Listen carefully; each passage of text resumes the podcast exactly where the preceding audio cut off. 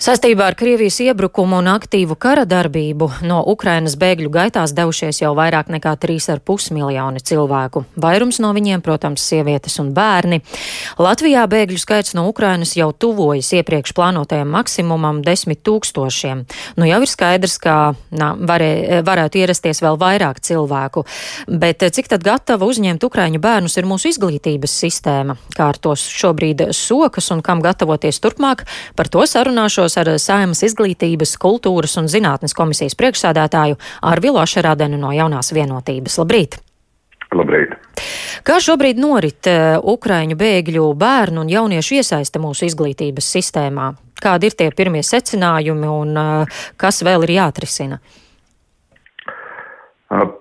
Šķiet, ka šis process norit ļoti labi un kopumā teiksim tā, šeit ir vairākas tādas dimensijas, kas mums jāskatās. Tā pirmā ir, protams, ir tātad civiliedzīvotāja, Ukrainas civiliedzīvotāja reģistrācija. Nu, šķiet, vienīgā šaurā vieta tur ir šī te PMLP kapacitāte reģistrēt un šos iedzīvotājus un pie, izšķirt viņiem humanās vīzes. Kādēļ tās humanās vīzes ir svarīgas?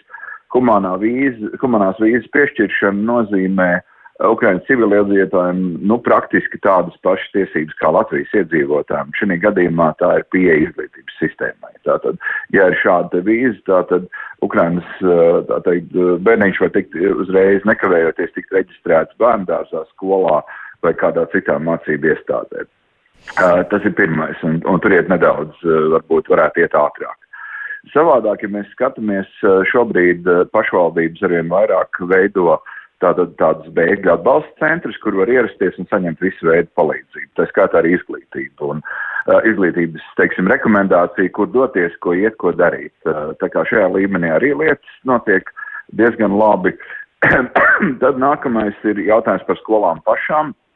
Un šeit, protams, mums jārespektē Ukraiņu vecāku izvēles. Un, uh, un tā tad uh, šeit ir tāda situācija, kur uh, Ukraiņas vecāki, uh, Ukraiņu vecāki bieži, ja mammas, lielākoties tēti jau praktiski šeit nav, uh, tātad izvēlas uh, turpināt uh, mācības tālmācībā no Ukrainas, kura ļoti efektīvi strādās, tad cik līdzīgi kā Latvijā Covid laikā, bērniem ir pieejamas šīs mācības un bieži vien uh, tad vecāki izvēlās šo un tā. Nākamā kombinācija ir, tad bērni dodas uz skolu, uh, Un um, tātad šeit skolas meklē risinājums, kā saglabāt, uh, tas tās galvenais uzstādījums līdz vasarai. Tātad iespēja mācīties uh, arī šajās Ukraiņu programmās, un skola strādā šiem bērniņiem. Nu, tad nākamā lieta, kas ir, un cik es pārnēšu ar skolu direktoriem, tad šobrīd viena no lielām problēmām ir tie bērni atbraukuši ļoti dažādā stāvoklī. Ja? Ir uh, tādi, kas ir priecīgi un ātri integrējās skolā un, un piedalās visā un tā tālāk. Tā, tā pašā laikā ir bērni, kas ir bijuši bumbošanās vai cietuši kārtīgi no, nu, pamatīgi cietuši no kara darbības, un šeit ir, šeit skolu direktors saka, ka ārkārtīgi nepieciešama psihologa palīdzība, lai tas bērns spētu vispār attiekties un kaut kādā veidā saprast, kā dzīvot. Vai tā ir pieejama? Nu, tas, to mēs šodien skaidrosim. Šodien būs komisijas sēde, kurā mēs skaidrosim, kas ir tas nepieciešamais resurss. Ne? Bet tā ir viena no problēmām, kas izgaismojās. Nu, lūk, un tad ir, tad ir lielais jautājums par uh, latviešu valodu. Kā mācīties latviešu valodu? Nu, šeit mēs esam daudz runājuši, un šķiet, ka šeit mums vēl ir krietni jāpiestrādā pie viegli saprotamiem materiāliem, kuros var saprast vismaz sākotnējās frāzes, kā integrēties Otrs jautājums, kas, parāda, izpā, kas parādās kā, nu, kā risināms, ir tas, ka ja agrāk bija atsevišķi individu līmenī, bija viens vai vienā vai otrā skolā parādījās kāds eh, vai nu, vai nu, vai nu integrējums bēgļu bērns vai, vai, vai cilvēks apmetušies dzīvi Latvijā, tagad šis ir, ir ļoti, šis ir ļoti masīvs process. Jūs jau pareizi minējāt, ka tā kapacitāte 10 tūkstoši pirmā ir sasniegta, apmēram 40% ir bērni. Ja? Un tātad tie ir pietiekami liels skaitli, lai Latvijas skolas tātad spētu un būtu metodoloģija, kādā veidā šos bērniņus integrēt skolā.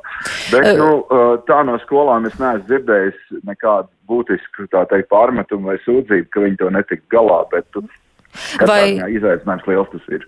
Nu jā, skaidrs, ka izaicinājums ir un arī pielīdzināt uh, Ukrainā iegūto izglītību šeit uh, Latvijā esošajai. Uh, vai ir arī resursi, lai nodrošinātu šiem bērniem, piemēram, individuālas konsultācijas mācību jautājumos? Jā, tātad primāri ir Latvijas reakcija, ir šāda, valdības reakcija ir šāda, ka šie bērni, tātad skolas saņems tādu pašu samaksu kā par, par izglītojumiem, izglītojumiem, kas tā teikt, Latvijas bērni, un tas nozīmē, ka skolām šādiem resursiem vajadzētu būt. Jā, vajadzētu būt. Mm. Uh, šodien klausīsimies, bet šādas, uh, teiksim tā, šī brīdī es šādu pārmetumu, ka trūkst resursu, es neesmu dzirdējis. Es tagad jāskatās, kas notiks ar, ar, ar mācību līdzekļiem. Tā, protams, ir, ir, ir, tas ir jautājums. Un īpaši šeit, es domāju, digitālos. Ja, jo šobrīd izglītības procesā bez digitāliem mācību līdzekļiem ir ļoti grūti. Un nav tā, ka mēs būtu varējuši palīdzēt visiem Latvijas bērniem jau pašiem. Un tad mums ir mm. jāpalīdz ar šeit, nu, domāsim, kā to darīt. Uh, vēl par es redzu ļoti lielu mobilizācijas pakāpi no pašvaldībām un valdību šī gadījumā. Es neredzu, ka te būtu kāda, kāda kritizējuma vienīgi.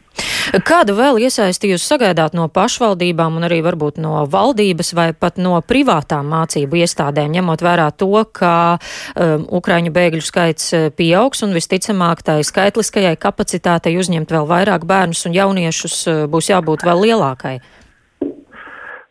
Es, tā, tas lielā problēma ir, uh, ka mums šobrīd ir ārkārtīgi sarežģīti plānot, tāpēc, mēs nezinām, kā situācija attīstīsies. Un, un te ir divas daļas. Tā viena pieeja ir uh, līdz uh, teikt, uh, šajā mācību gadā. Uh, maksimāli akceptēt to, ka bērni var turpināt Ukraiņu izglītības sistēmās mācības.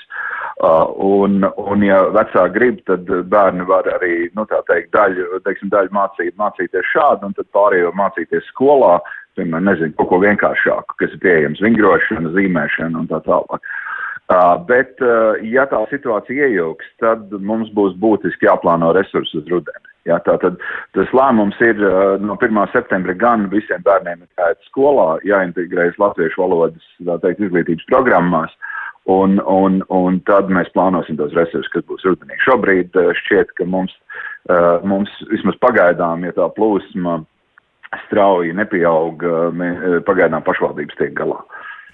Jā, nu sekosim līdzi situācijai. Paldies! Šorīt saku par sarunu Arvilām Ašerādenam, Saimnes izglītības, kultūras un zinātnes komisijas priekšsēdētājam.